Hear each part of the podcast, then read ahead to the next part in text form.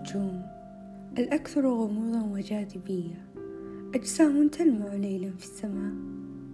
دوما كنت أعرف النجوم بأنها مشعة بعيدة وحيدة كما أنها تحترق.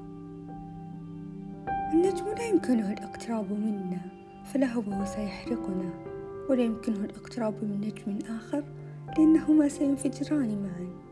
أليس بائس؟ يعيش وحيدا بينما نحن نتغنى هنا بنوره وحتى أنه لا يملك في الأمر شيء هو فقط يقف هناك يتأمل نجوما أحبها من بعيد ويستمر بالبقاء وحيد أليس للزهر معنى أشجع من النجوم؟ الزهور جميلة رائحتها عطرة تسمى بمعان كثيرة تبعث البهجة والزهور تذبل لكنها من جديد تزهر أليست أشجع من النجوم؟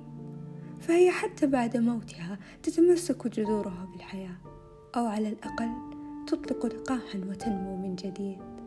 الزهور أبدية وحتى بالرغم من انكسارها تبقى جميلة. ولذا أن تكون زهرة أفضل من أن تكون نجمة. لعل القدر حكم هكذا فالنجم لا يملك شيئا ليتقدم. بينما كيف الزهر على ذلك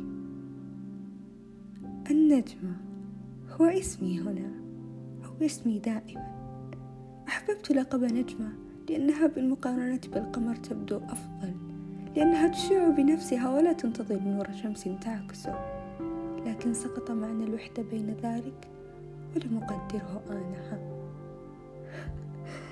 هل هذا هو قدري؟ الوحدة؟ لكن أخي دوما ما ناداني بالزهرة المشعة. هل أنا شجاعة وأضيء؟ لعلي كذلك. نحن كما الورد نذبل ونزهر من جديد. لذا فلتتحرى ربيعك أيها الإنسان. هكذا قلت يوما. لننتظر ربيعنا لننتظر يوم ازدهارنا. فلا بد أن يأتي. لابد